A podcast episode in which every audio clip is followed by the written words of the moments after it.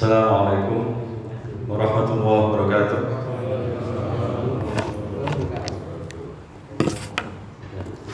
A'udzu billahi minasyaitonir rajim. Bismillahirrahmanirrahim.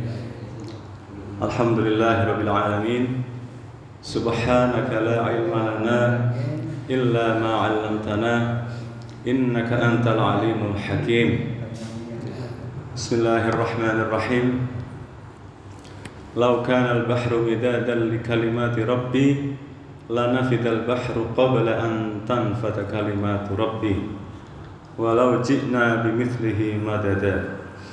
أشهد أن لا إله إلا الله وحده لا شريك له وأشهد أن محمدا عبده ورسوله. لا نبي بعده. اللهم صل وسلم على سيدنا محمد wa ala ali sayyidina Muhammad amma ba'd. Bapak-bapak yang selalu saya rindukan kebersamaannya berada di majelis zikir dan majelis ilmu izinkanlah pertama-tama ini saya mengingatkan diri saya sendiri maupun bapak-bapak jamaah Masjid Al Muhajirin rahimakumullah terhadap dua default. Default udah tahu ya Pak ya? Udah kita udah kenal yang namanya default. Default adalah suatu nilai yang itu sudah ada tapi nantinya kita biasanya perlu mengubahnya. Nilainya sudah ditentukan entah oleh siapa, lalu setelah itu kita mengubahnya. Jadi kalau bahasa Jawanya default itu gawan bayi. Sejak dari bayi sudah ada seperti itu. Misalnya contoh Bapak Sekretaris ya Pak Budi. Ada nggak Pak Budi?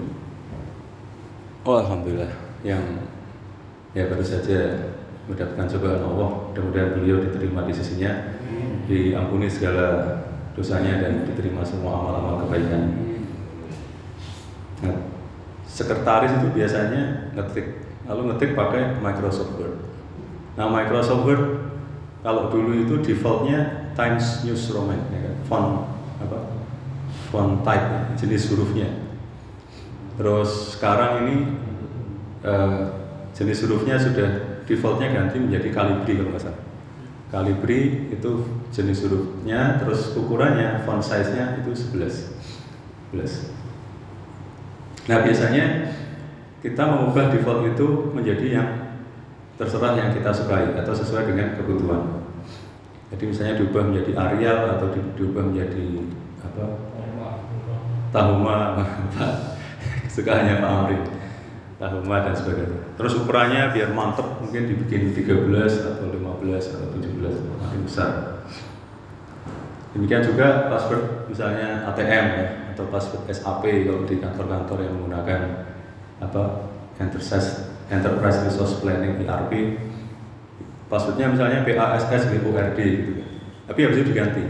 Diganti dengan sesuatu yang kita tahu tapi orang lain tidak tahu untuk masalah confidentiality atau kerahasiaan baik kerahasiaan pribadi maupun kerahasiaan perusahaan. Nah atau 1 2 3 4 5 6 7 8 passwordnya. Terus nanti diganti. Nah kita nggak ingin membahas tentang default yang seperti itu tapi default tentang diri kita sebagai manusia dan default dunia itu sendiri. Jadi manusia ini defaultnya apa? Jadi saya ingin mengingatkan pada diri saya sendiri dan para hadirin jamaah yang dirahmati Allah Default itu, default manusia itu ya bisa kita lihat di Al-Quran. Salah satunya adalah ayat yang sangat jelas dan di situ bahkan ada inna, inna itu sesungguhnya. Habis sesungguhnya masih ada lam taukid yang bergeser karena ada inna. Jadi sungguh-sungguh dan sesungguhnya dan benar-benar. Jadi tidak bisa diragukan lagi, yaitu di ayat yang atau di surah yang kita sudah hafal, yaitu Al-Asr. A'udzubillahi minasyaitonirrajim wal asri innal insana lafi khusr. Dan ini kan default. Inna sesungguhnya al insana manusia la itu nam taukid benar-benar sungguh-sungguh. Di awal tadi sudah inna, sudah sungguh-sungguh, sudah sesungguhnya atau tidak ada lagi keraguan di dalamnya. Lalu la fi la fi fi itu berada dalam keadaan khusr Khusri yaitu kerugian. Jadi itu default, defaultnya manusia. Jadi seperti yang tadi kita pelajari, default itu sudah ada, nilainya sudah ditentukan, entah oleh siapa. Kalau yang ATM ya oleh bank atau IT-nya bank, atau kalau Microsoft Word ya mungkin anak buahnya siapa? Bill Gates. Ini tadi pagi saya dapat info Mark Zuckerberg yang apa Facebook itu menemukan kacamata apa Ray-Ban itu ya Ray-Ban yang ada bisa untuk kamera merekam bisa udah itu udah teknologi makin. Nah itu pasti juga ada defaultnya. Nah tapi default itu untuk diubah. Makanya alhamdulillah ayat al asr itu ada lanjutannya kan lafil khusrin ilah nah kecuali. Nah kecuali inilah sesuatu yang dipesankan oleh Allah untuk kita mengubahnya. Jadi supaya kita itu tidak berada dalam kerugian, mari kita lakukan yang ilah tadi. Ilah ladina amanu beriman wa amilu solihat beramal soleh wa tawasau saling mengingatkan pada kebenaran. Kalau ada yang salah ya diingatkan. Jangan kalau bisa juga diingatkan secara pribadi biar tidak malu di hadapan orang banyak dan sebagainya. Lalu watawa sobil wat sobil haki watawa sobil sober. Mengingatkan juga dengan kesabaran dengan kesabaran artinya kita tidak mengingatkan untuk memuaskan nafsu mengingatkan kita, tapi mengingatkan supaya dia tidak mendapat azab Allah misalnya atau dia tidak tidak apa berbahaya nanti masa depannya di akhirat. Fokusnya adalah kita peduli dengan orang itu, bukan fokusnya kita ingin memuaskan nafsu mengingatkan kita. Fokusnya adalah supaya dia selamat dengan cara terbaik. Jadi kita mikirin caranya gimana ya biar dia selamat. Aku cara mendekatinya seperti apa? Bukan tiba-tiba terus misalnya di hadapan orang banyak disalah-salahkan dan sebagainya. Itu ya mudah-mudahan bisa kita hindari. Itu tentang manusia. Satu lagi adalah default dunia. Nah, default dunia ini pernah juga disampaikan pada salah satu acara dari PSQ, PSQ itu Pusat Studi Quran yang didirikan oleh Bapak Profesor Quraish Salah satu kajiannya itu disampaikan tentang default dunia berasal dari sebuah hadis yaitu yang disampaikan di, uh, oleh baginda Rasulullah Shallallahu Alaihi Wasallam Adunya malunatun malunun mafiha illa fikruwahi wa ma wala wa alimun au muta'allimun. Jadi apa kata Rasulullah tentang dunia? Ad, eh, di hadis yang lain saya juga mempelajari hadis yang lain. Itu narasinya agak sedikit berbeda, yaitu narasinya diawali dengan ala. Jadi apa? Ala inna, pakai inna.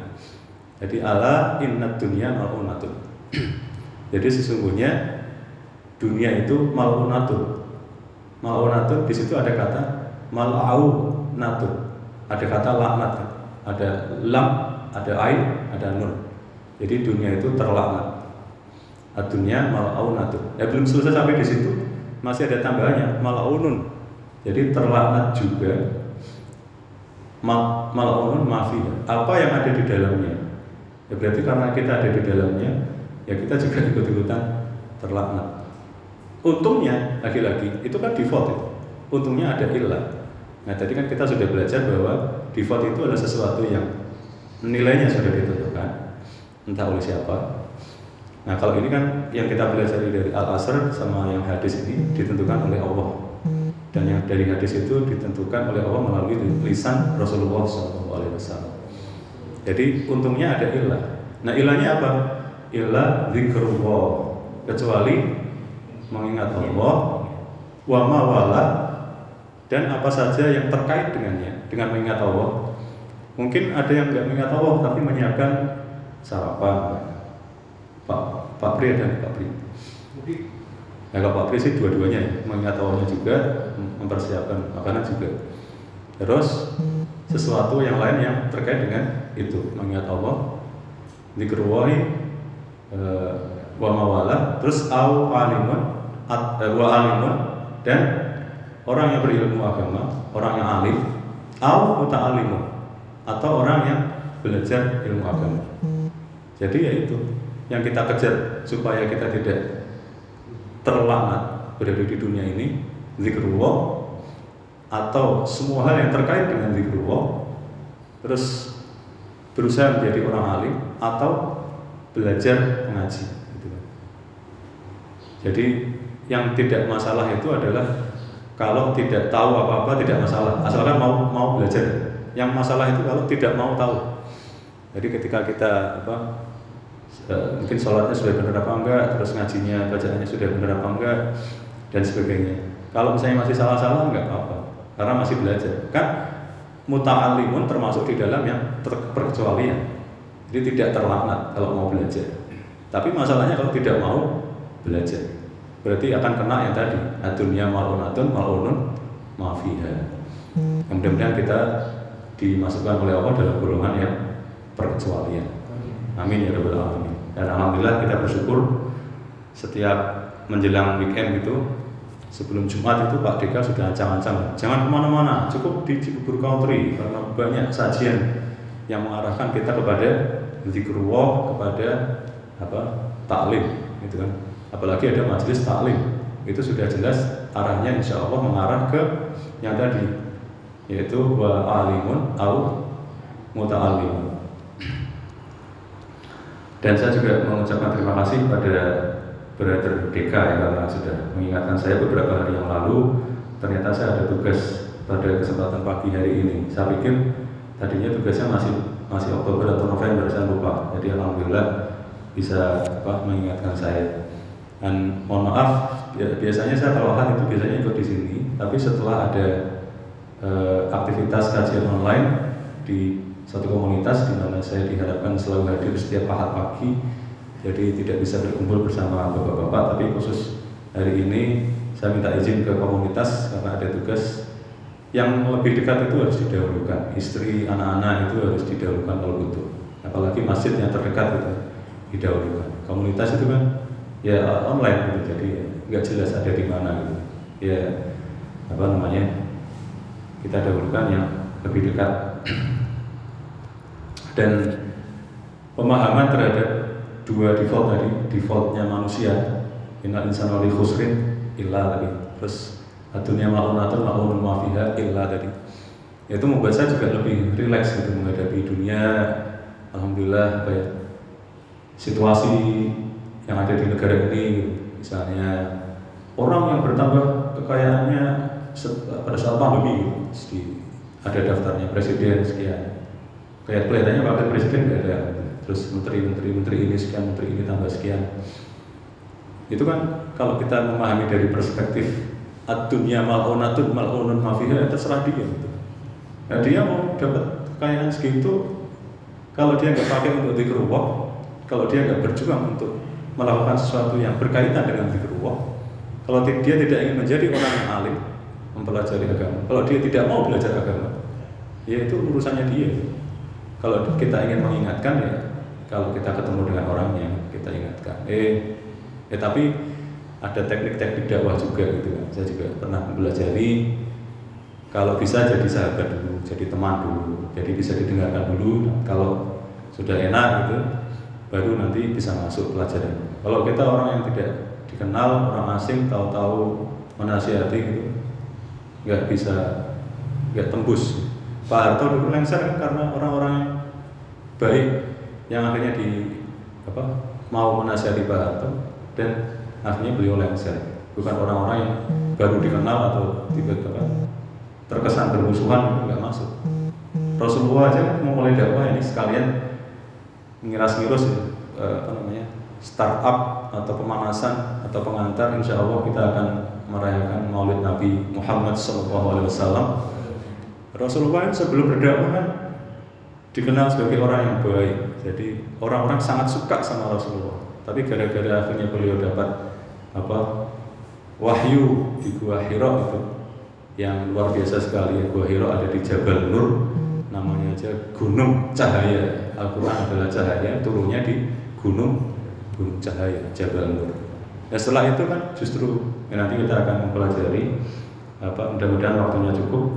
Eh, bagaimana awal mula Rasulullah menerima wahyu yang tadi kita sama-sama apa eh, namanya simak di Rakaat pertama Iqra bismi rabbikal ladzi khalaq khalaqal insana min 'alaq Iqra wa rabbukal akram alladzi 'allama bil qalam 'allamal insana ma lam ya'lam. Lima ayat pertama itu yang turun pertama kali diturunkan kepada Rasulullah SAW.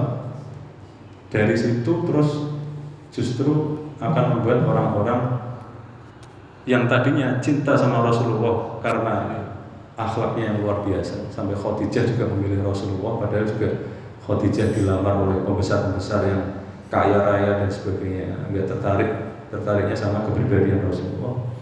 Tapi kok malah mereka akhirnya membenci dan ingin mengusir Rasulullah SAW jadi sekalian pengantar untuk insya Allah 19 Oktober bulan depan kita akan merayakan hari kelahiran baginda junjungan kita semuanya Nabi besar Muhammad SAW.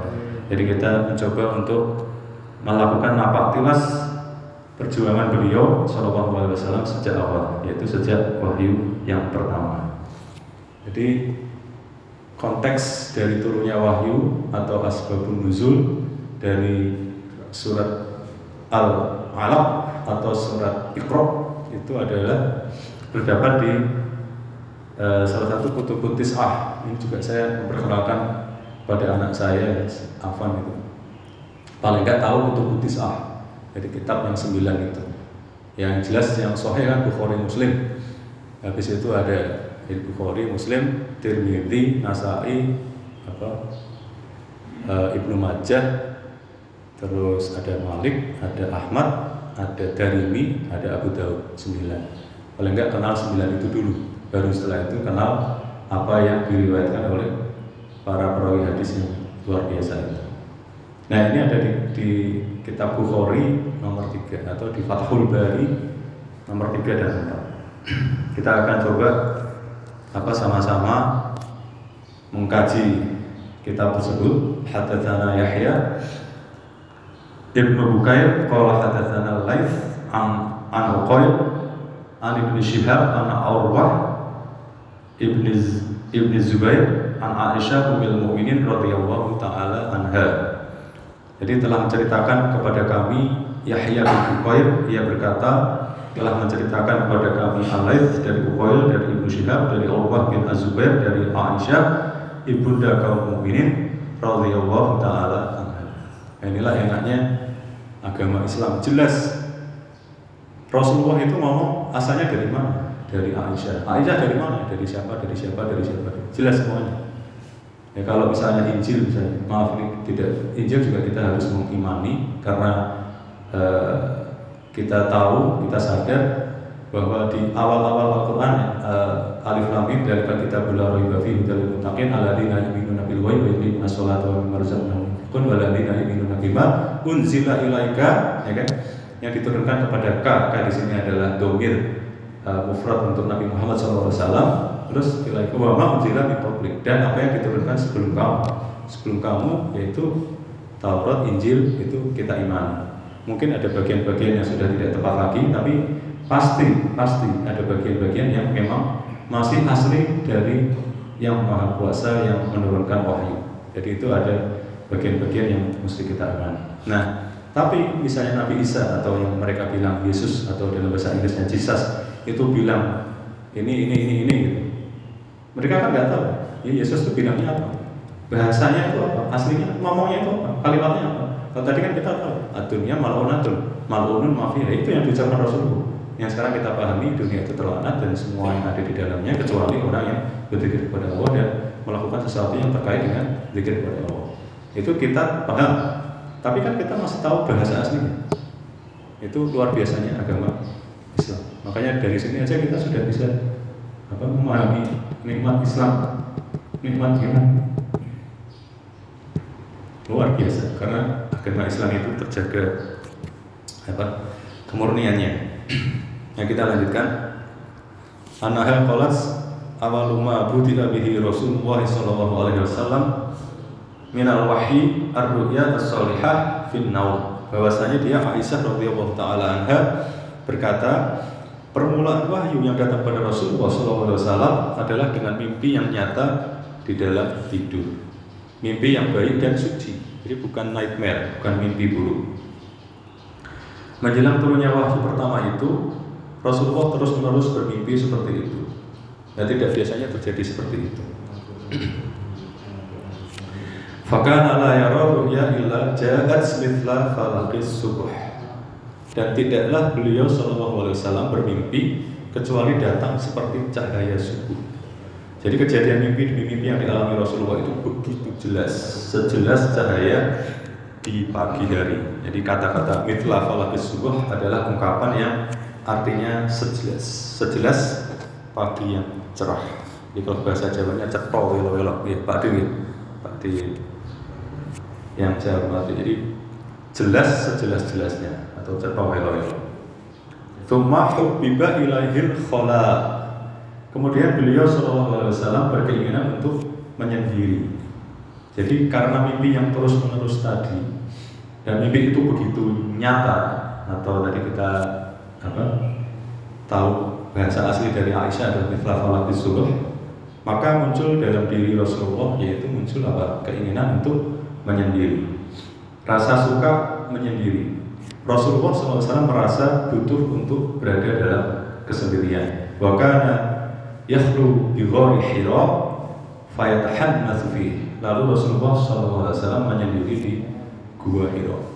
Gua Hiro ini mungkin bapak yang sudah pernah haji atau umroh letaknya di luar kota Mekah dan dari Gua Hiro ini kita bisa melihat pemandangan kota Mekah dari kejauhan. Tapi kalau sekarang nih YouTube juga banyak, jadi saya juga pernah melihat YouTube bahwa apa namanya channel-channel yang orang-orang yang ada di Mekah, orang Indonesia yang ada di Mekah, yang itu biasa mengabarkan tentang keadaan Mekah, Madinah dan sebagainya terkini jadi dalam kondisi pandemi dan seterusnya itu kita bisa kadang-kadang juga ada perjalanan ke Gua Hiro. Jadi juga diperlihatkan Gua Hiro di dalamnya seperti apa, sesempit apa gitu Rasulullah susahnya seperti apa berarti masuk di situ. Bahkan mungkin kita eh, ada juga yang pernah mengatakan Rasulullah itu six pack gitu, badannya itu langsing gitu ya, apa namanya. Jadi ya untuk masuk ke Gua Hiro yang menyelupit-nyelupit kayak gitu apa sempitnya ya Rasulullah bisa. Maka Rasulullah bertahan di dalamnya, maksudnya di dalam Gua Hiro.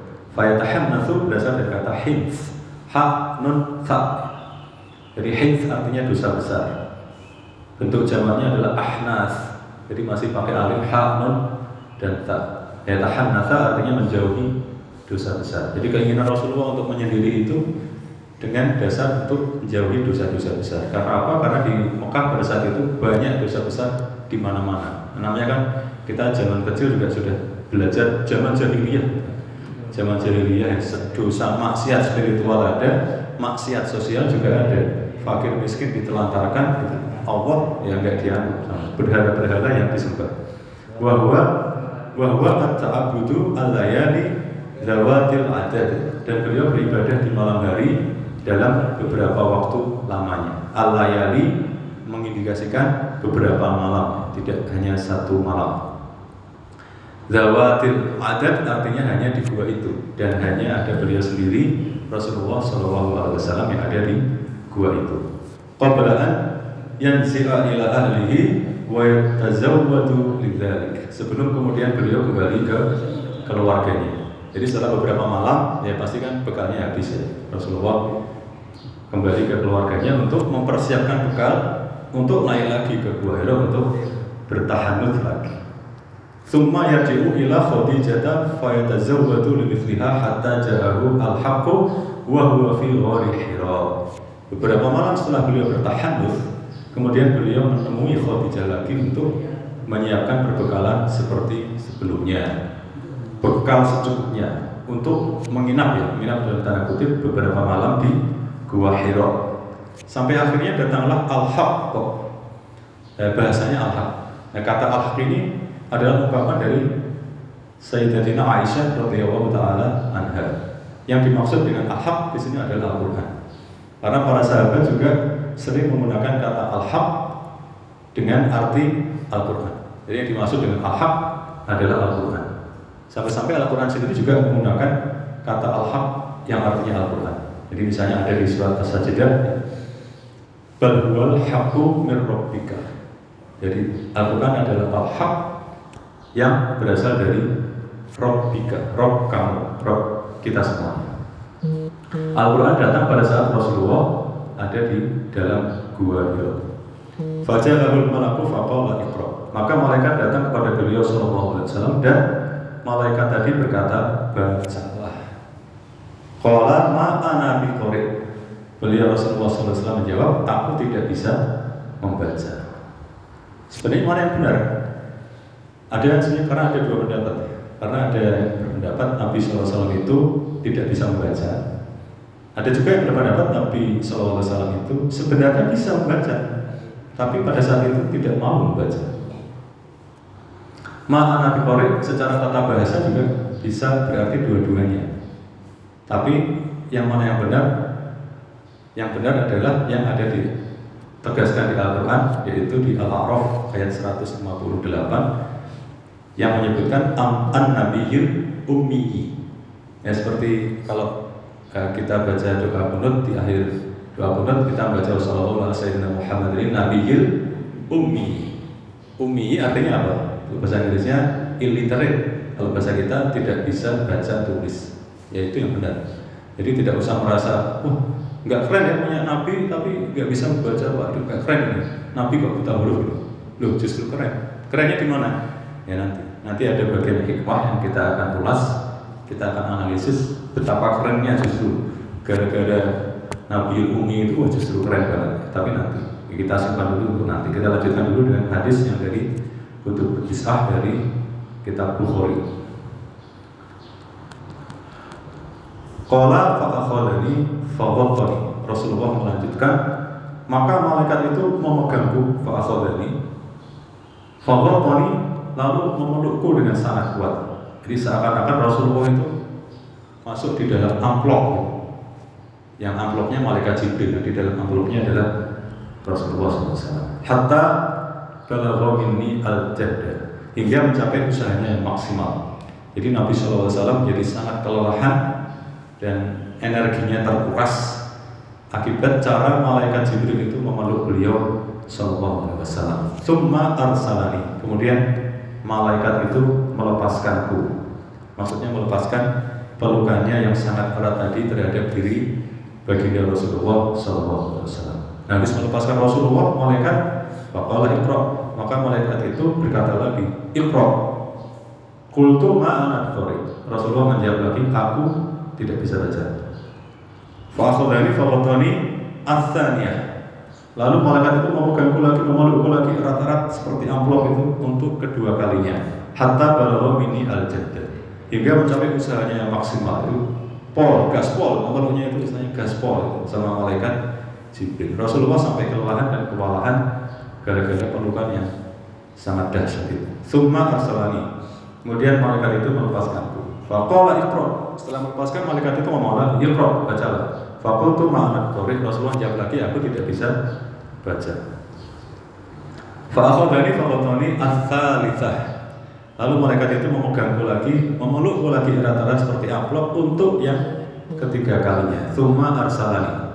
Kemudian setelah berapa lama malaikat itu melepaskan aku, melepaskan Rasulullah SAW, Sallallahu Alaihi Wasallam. Fakor, lalu malaikat itu berkata, Iqra bismi rabbikal ladzi khalaq, khalaqal insana min 'alaq, Iqra wa rabbukal akram, alladzi 'allama bil qalam 'allamal insana ma lam ya'lam. Jadi itu awal turunnya dari itu uh, surah uh, ayat pertama dari Al-Iqra. Jadi setelah tiga kali kejadian memeluk erat terus melepas lagi terus ngomong Iqra Iqra Iqra itu lalu tiga kalinya malaikat menurunkan lima ayat yang pertama kali diterima oleh Rasulullah SAW. Farajaha biha Rasulullah SAW yarjufu fu'atuh Faraja'a itu lalu Nabi SAW kembali biha dengannya yaitu dengan lima ayat yang baru saja diberikan oleh malaikat Jibril itu yarjufu bergetar dan bergetar kencang waduh dada beliau sallallahu alaihi wasallam. Fadakhala ala Khadijah binti Khuwailid radhiyallahu anha.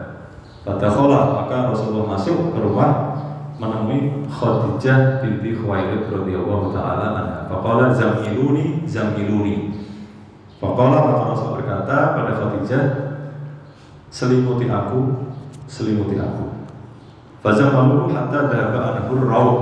Maka Khadijah menyelimuti Rasulullah sehingga hilanglah ketakutan atau keterguncangan Rasulullah itu sehingga Rasulullah menjadi tenang. Faqala li Khadijah wa akhbaruha al-khabar. Maka Rasulullah berkata kepada Khadijah beliau mengabarkan kepada Khadijah apa yang baru saja dialami uh, oleh beliau Shallallahu Alaihi Wasallam. Laqad khasitu ala nafsi. Atas kejadian itu Rasulullah berkata sejujurnya kepada Khadijah, sungguh aku mengkhawatirkan diriku. Nah ini luar biasanya uh, ibunda kita Khadijah. Kita kan kalau punya masalah dan sebagainya itu kan kita berkonsultasi atau para sahabat dulu ya berkonsultasinya kepada Rasulullah SAW. Nah Rasulullah ini sekarang punya masalah. Pada saat awal-awal turunnya wahyu Rasulullah punya masalah. Tapi masalah itu terus akhirnya beliau nggak tenang. Tapi alhamdulillah dengan izin Allah istri yang mulia itu Khadijah bisa membuat beliau tenang. Fakolat fakolat Khadijah itu kalah maka Khadijah berkata, tidak ya Rasulullah, tidak mungkin ya Rasulullah, atau tidak tidak ada alasan bagimu ya Rasulullah untuk merasa takut. Wallahi yuhzika Allah abada. Demi Allah, tidak akan tidak akan Allah mencelakakanmu atau mempermalukanmu atau menghinakanmu abada selamanya. Innaka la tasimur rahim. Sesungguhnya engkau benar-benar orang yang menyambung silaturahim menyambung silaturahim. Maksudnya adalah menyambung kebersamaan hubungan famili. Familinya siapa? Ya itu orang-orang yang seperti Abu Lahab itu juga famili, terus Abu Jahal juga famili. Jadi ini luar biasanya Rasulullah salah satu sifat keteladanan beliau. Mungkin kita juga punya anggota keluarga lah misalnya orang yang sulit dan sebagainya. Tapi apakah kita bisa seperti Rasulullah gitu? Tetap menyambung silaturahim. Tetap apa? Tetap baik kepada orang yang tidak baik kepada beliau. Ini contoh keteladanan yang luar biasa. Watahmilu watahmilu kalla. Dan Rasulullah juga membawa beban atau menanggung beban atau memikul beban seseorang yang tidak punya apa-apa atau tidak punya siapa-siapa, tidak punya orang tua, tidak punya anak, tidak punya apa-apa. Jadi siapa yang menanggung itu? Kalau kita dalam bernegara kan mengacu pada fakir miskin dan anak-anak terlantar dipelihara oleh negara gitu kan. pasal 34 terus sekarang masih pasal 34 atau enggak tapi Rasulullah nggak usah pakai pasal-pasal nggak usah pakai merumuskan nggak usah pakai apa digaji oleh seperti gaji anggota DPR dan sebagainya tapi langsung action gitu yang memikul beban orang yang tidak punya apa-apa. Yang memikul beban orang yang tidak punya siapa-siapa yaitu pribadi yang mulia itu Rasulullah Sallallahu Alaihi Wasallam. Watak sebelum madu dan Rasulullah itu bisnisnya juga hebat. Rasulullah kan waktu itu beliau kan menjadi karyawannya Khadijah. Jadi Khadijah kan tahu persis sepak terjang Rasulullah. Ya kejujurannya tahu akhlaknya yang mulia tahu bisnisnya yang hebat itu juga tahu dan luar biasanya orang yang punya pebisnis yang ulung tapi masih memelihara hubungan silaturahim itu luar biasa dan kadang orang yang bisnisnya yang hebat kadang-kadang kalau ditamui betul ya aku lagi ada urusan dan sebagainya. Tapi ini Rasulullah keren banget. Pebisnis ulung, tapi juga masih memelihara hubungan silaturahim. Wata Taif dan menerima atau mengentertain abdoif tamu dengan ramah. Ini juga luar biasa. Pebisnis yang ulung tapi apa, menerima tamu. Sampai Rasulullah itu kalau ditamuin. Tamunya nggak tahu diri gitu sampai malam gitu misalnya. Rasulullah tidak bisa maaf ini sudah malam. Enggak jadi nggak bisa nggak sampai hati untuk mengatakan maaf ya ini sudah nggak seperti itu. Sampai-sampai justru Allah yang menurunkan ayat faidah itu fantashiru wala mustaqnisin di hadis inna dzalikum kana yu'ti an-nabiy fa yastahi minkum wa la yastahi minal jadi sampai turun ayat itu ayat yang ada di surat Al-Ahzab surat ke-33 ayat 53 untuk memperingatkan para sahabat eh, kamu kalian harus tahu Rasulullah punya keluarga. Rasulullah juga perlu untuk istirahat dan sebagainya. Sampai Allah yang menurunkan ayat ini? Kalau Rasulullah sendiri saking mulianya beliau ya beliau tidak tidak ingin bahkan mengatakan kepada para sahabat udah malam ya maaf. Nah, besok kita kan harus sholat subuh enggak? Jadi Rasulullah enggak, enggak sampai hati untuk mengatakan seperti itu. Sampai Allah sendiri yang menurunkan surat al-hasyat tadi. Watu'inu ala nawaibil haq. Dan membela kebenaran. Ada juga yang uh, ulama yang mengartikan ini Rasulullah selalu berada di luar sana untuk siap memberikan bantuan. Jadi siapa aja istilahnya kalau ada yang butuh-butuh itu siapa yang duluan bantu itu ya Rasulullah. Fantolakot bihi Khadijah hatta atas bihi waraqat bin Naufal bin Sad Asad bin Abdul Uzza bin Ami Khadijah. Maka Khadijah bertolak atau berangkat dengan Rasulullah SAW bertemu dengan Waraqah bin Naufal bin Asad bin Abdul Uzza itu adalah paman dari Khadijah. Wa kana ra'an qad tanassara fil jahiliyah. Dan dia Waraqah itu adalah lelaki sungguh-sungguh mas, uh, masuk tanassara, masuk agama Kristen fil jahiliyah di masa jahiliyah. Wa kana yaktubu al-kitaba al-Ibrani atau al-Ibraniyah. Dan dia Waraqah itu menulis buku-buku atau kitab bahasa Ibrani atau bahasa kaum Yahudi atau Bani Israel. Fayaktubu minal injili bila ibro bila ibroniyah Masya Allah ayaktub Lalu dia juga menulis Injil dalam bahasa Ibrani sesuai apa yang dikehendaki Allah. Jadi artinya Warokah itu menulis banyak mungkin yang Allah izinkan dia untuk menulis bukan syaikhon kabiro dan dia adalah orang tua sudah sangat tua qad amiyah dan sungguh-sungguh telah buta. Nah akhirnya ini sudah kira-kira 10-15 menit sebelum suruh ya, saya percepat aja. Akhirnya singkat cerita Warokoh ini uh, sampai mengatakan kepada Rasulullah ya, karena Warokoh saking banyaknya menulis kitab itu dan dia tahu persis bahwa ini ciri-ciri Nabi yang akan datang di akhir zaman. Sehingga Orokoh uh, uh, yang lucu juga ini ada lucunya juga sebenarnya. Orokoh sampai mengatakan kepada Rasulullah bahwa kaumnya nanti akan mengusir kamu dari kota Mekah. Ya, akhirnya akan kita mengenal Rasulullah akhirnya harus hijrah dan sebagainya. Tapi Rasulullah sendiri ini yang lucu itu ini situasi psikologis Rasulullah yang setelah pengalamannya dengan malaikat Jibril terguncang seperti itu, dijadikan isi amplop seperti itu, terus kewalahan gitu, terkuras energinya, terus nggak tenang sampai minta zamiluni zamiluni, terus diselimuti oleh Khadijah, terus merasa tenang, merasa tenang terus diajak menemui siapa? Warokah bin Naufal. Tapi setelah ketemu dengan Warokah, Warokahnya bilang nanti kamu akan diusir oleh kaummu sampai-sampai uh, Rasulullah terkejut dan bilang awal mukhriji ya hum gitu kan. Uh, uh, mereka akan mengusir uh, aku akan diusir mereka gitu, sampai sampai ada yang berpendapat kata-kata yang diucapkan Rasulullah awal mukhriji ya hum mereka mereka di akhir gitu. bukan mereka mereka akan mengusirku bukan gitu tapi akan mengusirku mereka gitu. Jadi saking terkejutnya Rasulullah. Terus akhirnya Warokoh menceritakan bahwa dari kitab-kitab yang dia pelajari tidak pernah ada orang seperti kamu yang mendapatkan wahyu seperti itu yang tidak diusir oleh kaumnya.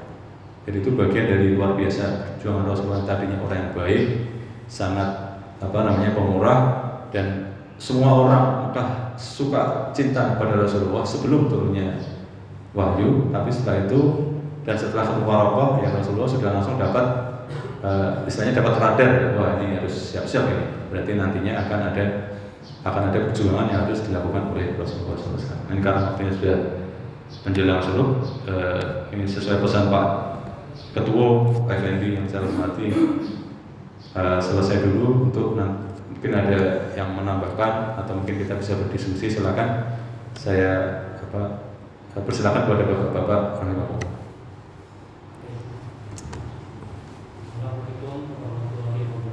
Wassalamualaikum warahmatullahi wabarakatuh.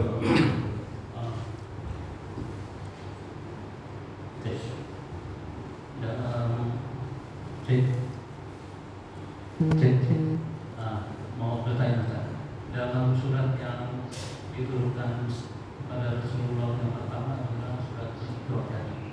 Nah, itu kan yang tadi sampaikan gitu dia eh, ini apa agar kita belajar membaca gitu. Yang jadi pertanyaan saya gitu surat apakah yang terakhir diwajibkan kepada Rasulullah dan apa makna surat yang terakhir yang diwajibkan? Mohon penjelasan. Assalamualaikum warahmatullahi wabarakatuh. Assalamualaikum warahmatullahi wabarakatuh. Ya, ini antara surat dengan ayat ini saya jawab sebisa saya Pak ya, semampu saya karena ilmu saya juga terbatas. Tapi saya juga alhamdulillah pernah belajar ini karena tadi yang saya cerita tiap ahad itu di komunitas itu selain kajian tiap ahad pagi itu juga ada kajian berupa tulisan. Jadi setiap hari kita hadirkan tulisan yang isinya ya apa ya itulah tidak tidak lepas dari dikruwa alimun au ta'alimun. Nah, ada salah satu program kami yang apa jadi ada program itu dibagi-bagi pak ada program untuk belajar al-kahfi ada program untuk belajar apa wah Al-Quran itu benar-benar dari Allah bukan dari manusia dari Rasulullah buktinya apa ada program Al-Baqarah ada program Juz ada juga program tentang Al-Quran dipelajari sesuai historical order atau dipelajari sesuai dengan awal mula turunnya ayat maka dari situ saya akhirnya pelajari banyak pendapat Pak tentang ayat yang eh, urut-urutan turunnya ayat maupun surah dari mulai pertama sampai ke yang terakhir. Nah, terus eh, kalau ayat yang pertama turun kepada Rasulullah itu sudah jelas ya. Ya tidak sampai ke qalam. Tapi ada juga beberapa pendapat yang lain, misalnya ayat yang turun lengkap di surah yang turun lengkap. Yang pertama turun lengkap itu Al-Fatihah. Kalau Al-Alaq ya tadi kita baca lengkap tapi yang sisanya ayat ke-6 sampai ayat ke-19 itu tidak turun bersamaan saat itu. Tapi ada jeda. Setelah Warokoh meninggal, wafat, tidak lama setelah itu ada jeda. Nah, yang terakhir, ayat yang dibaca terakhir itu ayamu akmatu lakum dinakum wa atmamtu alaikum nikmati wa raditu lakumul Islam Madinah. Itu ayat terakhir. Tapi ada juga beberapa pendapatnya karena itu bukan surat terakhir juga Al-Maidah itu bukan surat terakhir. Jadi kalau bicara makanya ilmu apa namanya ilmu asbabun nuzul itu ada ilmunya sendiri dan ulamanya juga banyak.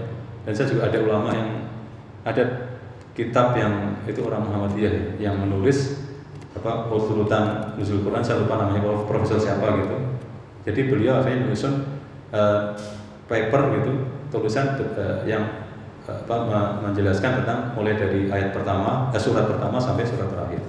Tapi yang belum ada sampai sekarang ini saya masih melakukan penelitian belum ketemu prosesnya itu adalah ayat demi ayat itu yang diturunkan itu seperti apa karena beda sekarang surat kedua aja setelah al-a'la aja ya setelah al-alaq itu juga beda-beda. Ada yang bilang apa al-qalam nun wal qalam yang turun al-ayat ada yang bilang al-mudathir ada yang bilang al-muzammil ya, sama-sama ya al-muzammil ada yang ya al-mudathir jadi ada dasar-dasar yang kuat juga. Terus tadi kita uh, mempelajari kitab tadi ada apa zamiluni zamiluni. Selimuti aku. Nah itu menjadi dasar setelah ini berarti ayatnya al muzammil karena ada kata-kata selimuti aku Nah, orang yang berselimut datang setelah itu. Tapi ada juga ikhra bismillahirrahmanirrahim ladzi khalaq khalaqal insana min 'alaq wa rabbukal akram alladzi 'allama bil qalam ya kan? Alamat insana malam Karena ada kolam, alamat bil qalam berarti nun wal qalami wa ma yasturun. Jadi ajarannya adalah surat nun. Ya, akhirnya dijadikan nama majelis nun gitu. Nun wal qalami wa yasturun. Jadi itu Pak kalau kita bicara jadi referensinya banyak Pak. Kalau saya apa kalau misalnya tertarik, saya juga punya banyak referensi bisa diakses sendiri juga. Yang termasuk uh, paper atau kitab yang ditulis oleh orang Indonesia tadi.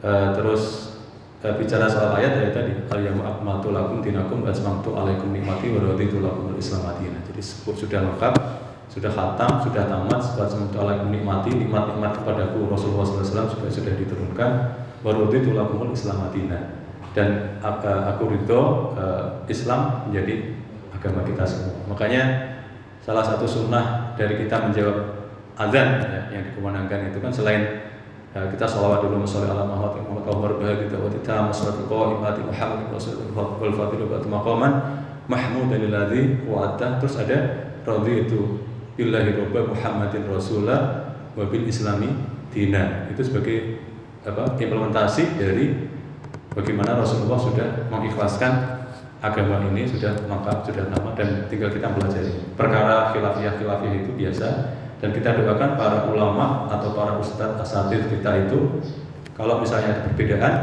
mudah-mudahan kita doakan mereka biasa-biasa aja. Kadang yang bahaya itu adalah netizen gitu kan memperuncing perbedaan gitu. tapi kalau ulama zaman dulu kan santai-santai aja. Bismillah aja. Sekarang saya juga mempelajari khusus mempelajari Al-Fatihah itu. Bismillah itu masuk Al-Fatihah apa enggak? Itu ulama para sahabat zaman dulu juga beda-beda. Tapi ya santai gitu. Jadi istilahnya, oh ya menurutmu, menurut kamu masuk ya masuk enggak Menurut aku enggak masuk. Jadi kalau Syafi'i Bismillah termasuk dan dibaca secara keras. Tapi ya kadang-kadang kayak makanya saya apa akhir-akhir ini juga sering suka mendengarkan Pak Prianto suka mendengarkan itu Gus Bahar itu karena beliau e, berorientasi pada ilmu. Jadi bukan pada peng, dikotomi NU Muhammadiyah. Jadi istilahnya e, Imam Syafi'i juga tidak pernah menjadi orang NU gitu, atau roh Islam misalnya.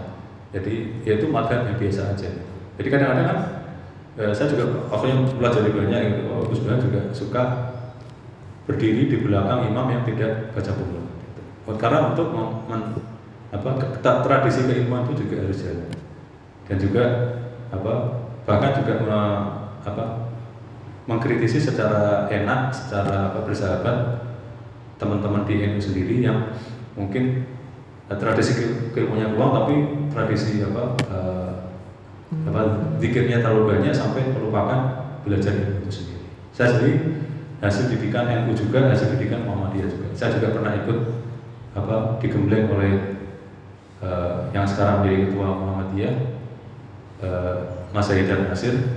Terus juga dulu ngaji di Kiai Haji Turmudi Tasim Al Hafid Al Marhum yang ada di Pondok Pesantren Rawdatul Quran. Itu basisnya NU dan juga di depannya itu ada juga basisnya lagi yang Kiai Haji uh, Muhammad Zain. Jadi ya santai aja gitu, biasa aja. Para sahabat berbeda itu kan perbedaan yang kalau kita dibesar-besarkan oleh netizen kan gawat ya. Sebenarnya jadi sebenarnya gimana Fatihah itu? Bismillah itu termasuk basmalah itu termasuk Fatihah apa enggak? Itu netizen aja. Nah, sahabat dulu juga santai. Imam apa Abdul Rahman As-Sudais kalau di Mekah atau di Medina, atau terutama di Mekah ya, belum jadi imam Masjidil di, di Masjidil Haram, ya beliau seperti Allah kan, Alhamdulillahirabbil alamin, enggak pakai basmalah. Tapi ketika menjadi imam di istighfar, ya beliau juga sepaham gitu. Ini berada di mana? Beliau Bismillah dulu. Di istighfar juga Bismillahirrahmanirrahim. Ya semuanya ada dasarnya, tidak ada masalah. Jadi uh, seperti itu Pak. Jadi kalau terkait pesannya ya itu. Kalau yang saya tangkap dari al yawma akmaltu lakum dinakum wa atmamtu alaikum nikmati wa raditu lakum islam itu ya sudah rindu Islam sudah agama yang benar. Tadi sedikit juga saya tambahkan tentang betapa kerennya kita punya nabi yang apa nabi umi illiterate atau buta huruf tidak bisa baca tulis karena apa? Karena ajaran Islam itu menjadi ajaran, ajaran yang murni. Islam diturunkan di Jazirah Arab, tanah Arab itu tanah yang secara kebudayaan atau ilmu tidak keren, terbelakang dibandingkan zaman dulu sudah ada kebudayaan atau filsafat Yunani, Romawi, bahkan Cina atau Tiongkok itu sudah hebat kebudayaannya. Tapi kenapa nggak turun di situ aja di Yunani atau di Romawi kan itu justru bahaya. Bahayanya kenapa? Karena bisa kecampur kecampur filsafat. Nanti orang bisa bisa nggak percaya ini sebenarnya dari Allah apa dari filsuf, dari Socrates apa dari Allah itu kan. Jadi sudah apa, rencana Allah itu udah nggak terbantahkan rencana yang terbaik. Eh, yang terbaik untuk umat ya tidak ada kontaminasi. Jadi karena tidak bisa baca tulis masa dia bisa berfilsafat. Kalimat kata-kata yang digunakan biasanya ini kok sekarang kalimat yang digunakan seperti ini. Kata kana misalnya yang uh, itu beda antara ucapan yang biasa diucapkan Rasulullah dengan yang ada di Al-Quran terkait tensesnya, past tense atau uh, present tense, uh, fi'il madhi atau fi'il mudhari itu beda. Jadi sudah jelas bahwa ini asli dari Allah SWT. Kira-kira gitu Pak. Mungkin ada lagi atau mungkin kalau belum puas silakan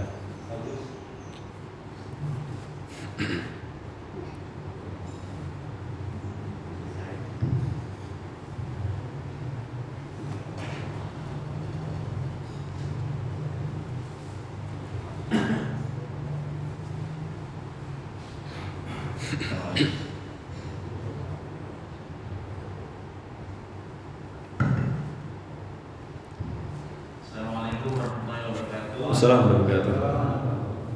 Eh, Mohon izin Ustaz Zairu, eh, dari eh, dalam dari awal kajian saya menyimak terkait masalah turun ayat pertama yang ingin kami tanyakan terkait bacalah dengan atas nama Tuhanmu itu eh, sebenarnya banyak versi atau banyak yang mengistilahkan artinya macam-macam. Jadi bacalah dengan atas nama Tuhanmu itu membaca arti membaca arti yang tersirat. Terus bacalah yang ayat yang tidak tersirat misalnya alam semesta. Terus bacalah dirimu sendiri mungkin terkait dengan bacalah alam semesta supaya kamu mengenal Tuhanmu. Hmm. Terus bacalah dirimu sendiri supaya mengenal Tuhanmu. Eh, terkait dengan man arfa nafsahu wa arfahu siapa yang mengenal dirinya maka akan mengenal Tuhannya sebenarnya yang mana Pak itu yang yang dimaksud dengan ayat pertama itu dari ketiga alternatif itu Terima kasih. Assalamualaikum warahmatullahi wabarakatuh Assalamualaikum warahmatullahi wabarakatuh. Akan lucu kalau misalnya saya memilih salah satu dari tiga yang ditawarkan oleh Pak Solah.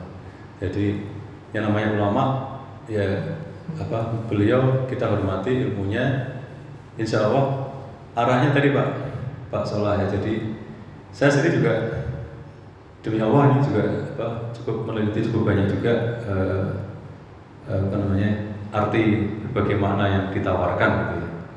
Dan yang semuanya itu masya Allah ya. Jadi ya baik gitu.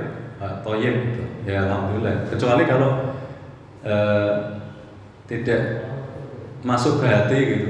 Terus tidak bisa membuat saya dekat sama Allah tidak bisa membuat saya meneteskan air mata ya mungkin ini kurang tepat.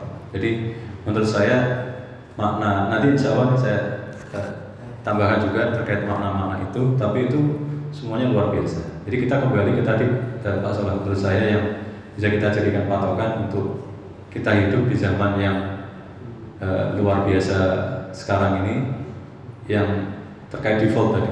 Default dan bagaimana kita menghindari default. Jadi default kita sebagai manusia inal insana fi khusrin kita berada dalam kerugian kecuali nah kita lakukan yang kecuali itu. Terus adunia malunatun malunun fiha illa dikruwahi wa mawala wa alimun au muta'alim jadi dunia ini terlaknat dan semua isinya juga terlaknat kecuali zikrullah dan ter- semua kegiatan yang terkait dengan zikrullah dan Bapak berjuang untuk menjadi alim dan mau belajar Al-Quran.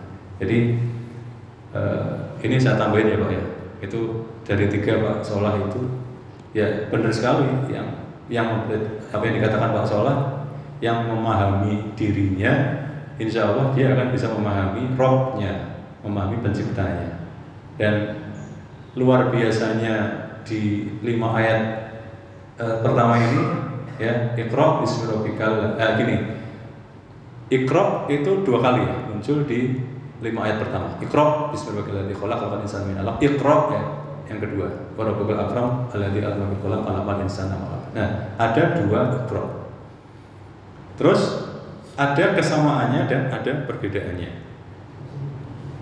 persamaannya atau kesamaannya adalah setelah ikro dilanjutkan dengan rob. Ya, tadi Pak Sula juga sudah bilang ikro bismi rob bikal yang kedua apa? ikro wa rob bukal akro jadi rob itu disebut dua kali sama. Nah sekarang apa perbedaannya? Perbedaannya adalah ini salah satu yang saya pelajari dari apa? Ya ini enak aja kan sebenarnya menyampaikan apa yang pernah dipelajari oleh ulama ya kita tinggal menyampaikan hasil belajar itu. Jadi yang kesamaannya setelah ada dua ikro, setelah ikro dilanjutkan dengan rob. Nah bedanya apa? Yang pertama ikro bismi rob bikal lagi sifatnya apa? Yang apa?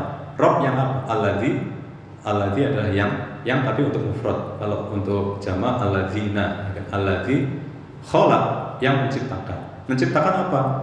Kholakul insan amin alak. Eh, alak ini juga dibahas makna ulama beda-beda. Dan ini sah-sah saja gitu aman-aman aja. Walaupun saya khusus untuk yang alakin ini alak ini ada kecenderungan lebih ke arah salah satu pendapat ulama. Jadi kalau kita baca terjemahan itu pak bapak yang dirahmati Allah alak itu biasanya diterjemahkan segumpal darah ya kan? tapi banyak kitab-kitab yang akhirnya saya pelajari yang mengarah ke apa namanya alak itu maksudnya adalah sesuatu yang menempel atau yang menggantung yang terumpang ambing ada di dalam rahim ibu dan itu makna yang saya apa saya cenderung kepadanya karena bisa membuat saya meneteskan air mata. Mengapa? Karena kita mempelajari rob yang kedua sekarang. Iqra wa rabbukal akram alladzi 'allama bil qalam yang mengajarkan kita yang manusia ini dengan qalam. Nah, di sini ada dua perbedaan yang dahsyat. Yang pertama adalah sama-sama manusia ini. Yang pertama adalah manusia yang masih berwujud sesuatu yang menempel menggantung dan terserah ibunya apa benar apa enggak ibunya benar alhamdulillah insya Allah solehah jadi baik gitu. ibunya misalnya TKI yang hamil ya saya karena suka ke tempatnya Pak Rato itu kan ada penampungan apa anak-anak yang salah satunya dari apa TKW TKW itu yang akhirnya siapa yang ingin adopsi dan sebagainya itu itu kan ada yang cacat dan sebagainya. Itu ada yang cerita bahwa anaknya ditatap-tatap gitu ya ibunya mungkin apa apa ya, keadaannya lagi seperti apa lagi stres lagi nggak bener gitu. Terus kayak nggak suka ada anak dia tapi akhirnya lahir juga. Lahir tapi cacat misalnya. Nah itu kita kan manusia ini kan terserah ibunya. Kita tergantung dengan ibunda kita. Alhamdulillah akhirnya kita lahir karena ibunda kita ibunda solehah insya nah keadaannya kedua adalah keadaan yang luar biasa yaitu alladzi alama alama bil qalam. Akhirnya kita bisa baca. Semua yang ada di sini saya yakin bisa baca semua. Dan kita sudah menjadi berwujud seperti ini. Sekarang kita sadari saja sama-sama dua perbedaan ini. Sama-sama manusia. Manusia pertama adalah manusia sesuatu menjadi sesuatu yang menempel atau menggantung di rahim ibundanya. Terserah ibundanya mau diapain kita terserah ibundanya. Terus kondisi kedua kita sekarang ini menjadi makhluk terhormat, terpelajar, insya Allah terus mendekatkan diri sama Allah, zikir dan belajar Al-Quran. Itu sudah dua ya. Makanya saya lebih condong kata apa makna ala-ala yang bukan segumpal darah tapi sesuatu yang menggantung atau sesuatu yang menempel. Nah, belum lama ini saya bawa buat apa? jadi gini, Bapak. Jadi saya mendapat kiriman ini katanya Quran Gus katanya. Terus, wah, mana? Enggak ada tulisan Quran Gus Bahar. Begitu saya lihat, oh ternyata ini. Jadi yang buat ini adalah Profesor Zaini dari Universitas Islam Indonesia, Yogyakarta. Terus di sini ada apa editornya. Nah, ternyata editornya ya Profesor Zaini sama Gus Baha atau Kiai Ahmad Bahaudin itu. Terus ditinjau ulang ya, dipelajari lagi di apa? Ditelaah lagi ayatnya di satu demi satu gitu terus akhirnya uh, apa? Di situ juga yang peninjau ulangnya ya Gus Baha, Kiai Ahmad Bahaudin itu. Nah di sini saya begitu saya mempelajari ini saya tertarik kalau katanya Quran Gus itu gimana? Al alam itu artinya apa? Ternyata di sini tidak diterangkan. Di sini cuma apa? E, dibilang alak aja gitu. Jadi di terjemahannya itu dibilang alak. Tapi di situ ada bintangnya. Nah bintangnya itu akhirnya dijelaskan di situ sesuatu yang menempel atau menggantung di dalam rahim. Terus disuruh lihat mukodimah. Di mukodimah itu saya membaca sesuatu yang membuat saya meneteskan air mata. Nah kalau bapak-bapak juga ingin meneteskan air mata sendiri ya nanti bisa baca sendiri. Nanti bisa saya apa kalau kopi bisa juga maupun di sini juga mungkin bapak juga sudah bisa apa namanya mengakses ini. Jadi itu pak sholat. Jadi intinya kembali ke apa tadi pendapat berbagai pendapat itu tidak untuk dipertentangkan bisa benar semuanya karena kalau yang paling benar itu adalah ya kita sama-sama nanti belajar di akhirat. Mudah-mudahan kita semuanya dimasukkan ke jannah dan kita semua bisa belajar dan kita akhirnya bisa tahu oh yang benar ternyata ini. Oh alaq atau alaqin. Itu yang benar seperti ini langsung Allah sendiri yang menjelaskan. Karena kan Allah yang apa memang menjelaskan. Sejak di surat Ar-Rahman itu kan Ar-Rahman alamal Quran. Yaitu haknya Ar-Rahman untuk menjelaskan Al-Quran. Para ulama juga melakukan pendekatan sesuai dengan ilmunya dan sesuai dengan kesolehan masing-masing. Saya kira itu. Silakan kalau masih ada tapi itu sudah titit ya. Gimana? Ya baik, kalau, kalau begitu kita segera bisa sholat sunat suruh dan kita sudah dengan istighfar sama-sama tiga kali. Astagfirullahaladzim, astagfirullahaladzim, astagfirullahaladzim, subhanakallahumma bihamdik, asyhadu an la ilaha illa anta astaghfiruka wa atubu ilaik. Alhamdulillahirabbil alamin. Assalamualaikum warahmatullahi wabarakatuh. Ada.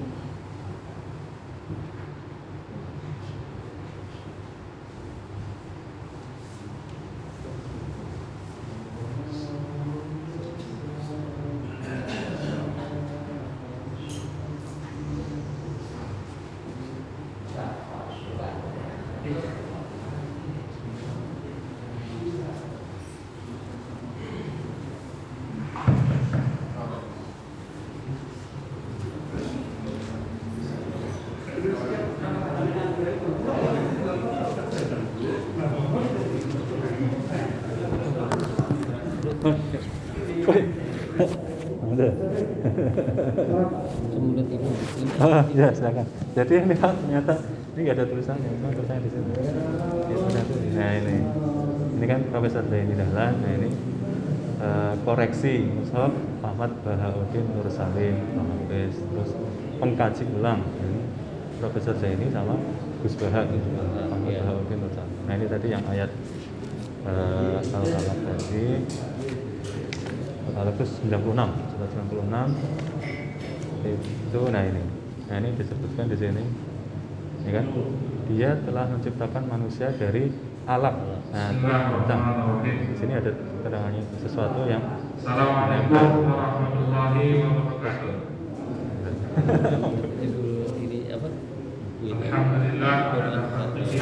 kalau mau ini bisa ini saya juga ada orang yang bisa itu bentar ya kalau mau Quran bisa juga doa ini nah ini ini nomornya kalau mau pesan. Ini juga Oh. ada nomornya. Nanti tinggal tinggal apa? Ini ini ini nah, saya nanti ngirim. Nah, itu nanti dikirim. Nanti Heeh, heeh. tinggal sebut alamat ongkos kirimnya sekitar 20 ribuan atau 30 nomornya Saya nggak bawa HP lembar ya. Bisa Pak Pak. Ustaz share ke saya deh. eh, sebentar. Beliau mengadakan syukuran ini nomornya. Putra beliau Nizam Fadi Al-Rashid teks. Maka eh sarapan kita pagi hari ini adalah sarapan berkah yang biasa juga berkah juga tapi ini ada Iwan ya? sedikit ekstra berkahnya karena ini sarapan akikah. Saya di maka ada di grup. uh, kita bikin sarapan sedikit. Bentar, bentar. di grup RT ya? RT ada. bentar bentar bentar bentar. Eh, biar nggak salah. Karena namanya banyak. Namanya apa di sini? Ini ini ini Edi Yusuf. Pak Edi Yusuf ya 16 ya? Edi Yusuf ya 16 karena ada Ed- Edi nanti kalau Iya. Edi Rahman. Eh, Edi saya ya 16 Berterima kasih kepada pengurus TKM Masjid Al Al Muhajir, Pak Win dan jajaran eh, yang sudah menyempatkan saya untuk eh, mengadakan eh, sedikit syukuran atau akikah anak pertama Ini ya, Pak, ya? Iya. Yang Nah, ini udah. Alhamdulillah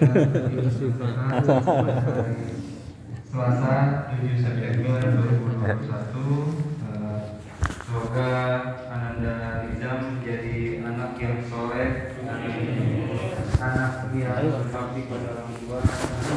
Alhamdulillah Jadi eh, pribadi yang berman yang berkarakter Oh,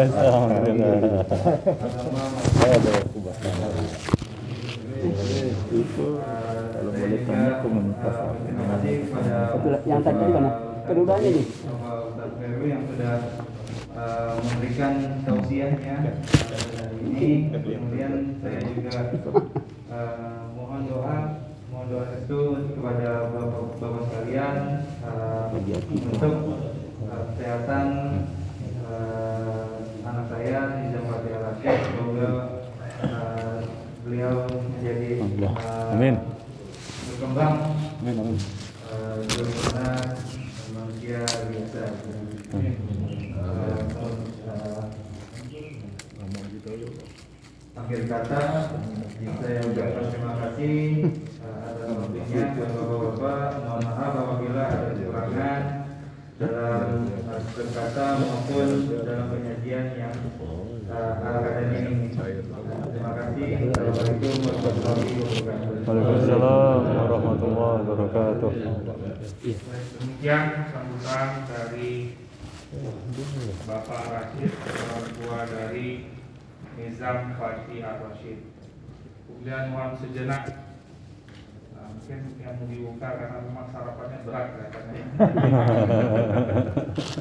Jadi kita mohon izin sejenak kita berdoa untuk Ananda Nizam Fatih Rafid sebagaimana tadi yang diharapkan oleh Bapak Rashid semoga menjadi anak yang soleh. Bermanfaat buat keluarga bermanfaat buat agama bermanfaat juga buat negara. Amin. Alhamdulillahirrahmanirrahim Bismillahirrahmanirrahim. Alhamdulillahirabbil alamin. Ya fi ni'amahu wa yukafi'u ya rabbana lakal hamdu kama yanbaghi li jalali wajhikal karim wa Allahumma احسن عاقبتنا في الأمور كلها أجرنا من خزي الدنيا وعذاب الآخرة. بسم الله نعوذ بالله العظيم. من شر كل عرق النعام ومن شر حر النار أعيذك يا الله أعيذك يا الله بكلمات الله التامة من كل شيطان هامة ومن كل عين لامة. اللهم إنا نسألك من كل قدر وافق إرادة حاسد. اللهم إنا نسألك له نظام فتح الرشيد. اللهم إنا نسألك لي نظام فتح الرشيد له قوة حفظا وسرعة الفهم. وصفاء الذهن اللهم اجعله أوفر حفظا في الدنيا والآخرة. اللهم اجعله من حراس الدين ومن ذاكرين والمذكورين. والطف به يا كريم. اللهم بارك في صحته فتن يا الله. اللهم بارك في في صحته وفي سمعه وبصره وعقله وجلده. وشعره وبدنه وبدنه كله. وبارك له في دينه وعقله ووسع ووسع بجودك وكرمك رزقه ورزق أهله ورزقا حلالا طيبا مباركا فيه من غير كد ولا تعب ولا عسر. اللهم احسن عاقبتنا في الامور كلها اجرنا من خزي الدنيا وعذاب الاخره ربنا ظلمنا انفسنا وان لم تغفر لنا ترحمنا لنكونن من الخاسرين ربنا اتنا في الدنيا حسنه وفي الاخره حسنه وقنا عذاب النار والحمد لله رب العالمين الفاتحه أعوذ بالله من الشيطان الرجيم. الحمد لله رب العالمين الرحمن الرحيم الحمد لله. المستقيم صراط الذين أنعمت عليهم غير المغضوب عليهم ولا الضالين Alhamdulillah mudah-mudahan doa yang kita panjatkan menjadi amal menjadi doa juga yang terbaik buat anak-anak kita semua. Amin. Tidak bijak rasanya kalau saya perpanjang lagi dengan nasihat. Jangan ditutup. Karena ini sudah kisah ya. Mudah-mudahan uh, berkah buat anda yang Nizam Fatin Al-Rashid dan juga buat keluarga Bapak Rashid Aku lupa lihat Assalamualaikum warahmatullahi wabarakatuh Waalaikumsalam warahmatullahi wabarakatuh. Kan makan itu ah. Makan. Enggak. Bawa aja. Berat. Berat. Dia pura-pura mau ke mana padahal dia ngajak saya buka. Anu anu olahraga. Ini jalan ya. Ayo. Hah? Mana?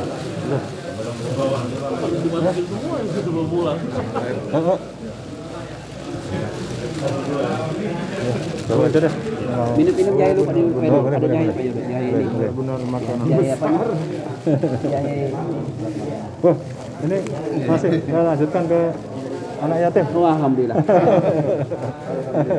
Yang penting diterima dulu baru ke sini. Pantas Pak Ambo tadi dekat-dekat Pak. Udah mau jauh-jauh.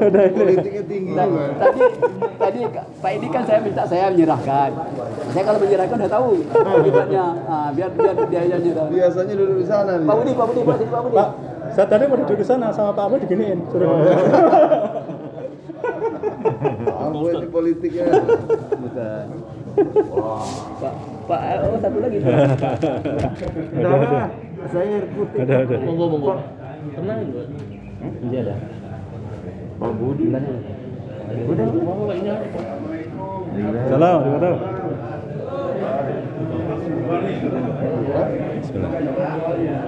Pulang dari di pokok Yang minum-minum dulu kayak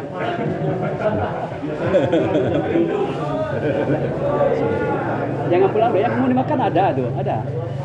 Oh yang mau dimakan. Ya digoreng dulu, mau nunggu nak. Beda lagi nih, harus dibawa ke rumah masih digoreng yang mau dibawa keluar.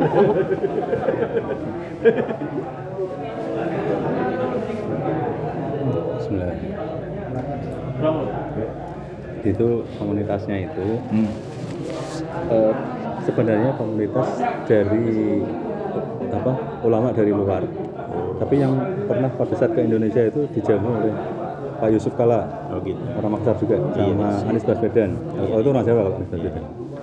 Nah, tapi komunitas itu juga ingin menegaskan bahwa oke kita apa eh, Adi.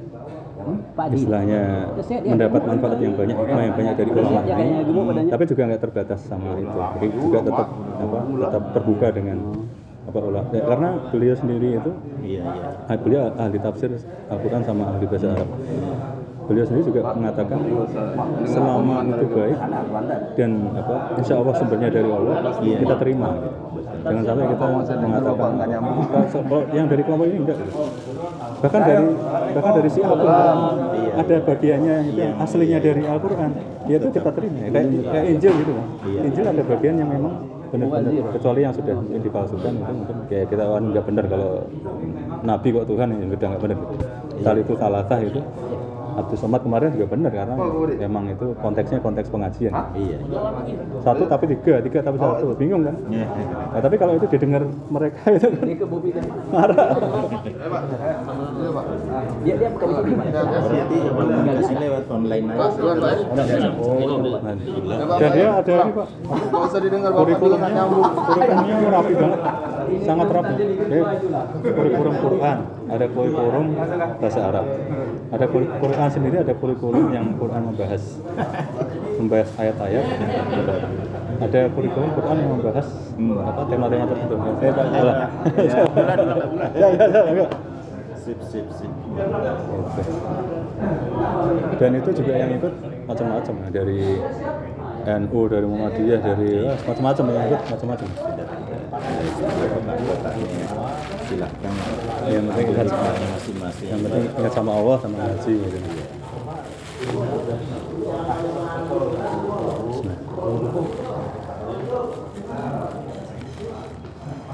Ya, saya mau acara keluarga ini ke Depok. Seperti biasa ya, ke lapangan ya. Kami sudah janji ya, cuma agak sekarang agak agak lambat biasanya jam 8 baru Oh. start.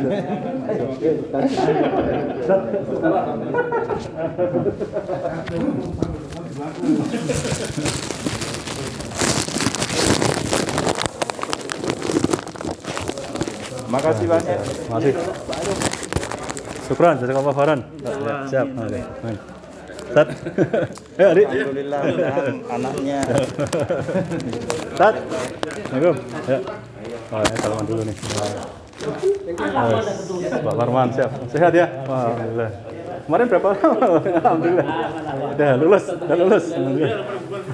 bubar semua ke lapangan kan? Oh, bro, Assalamualaikum bro. Udah gini sekarang. Assalamualaikum.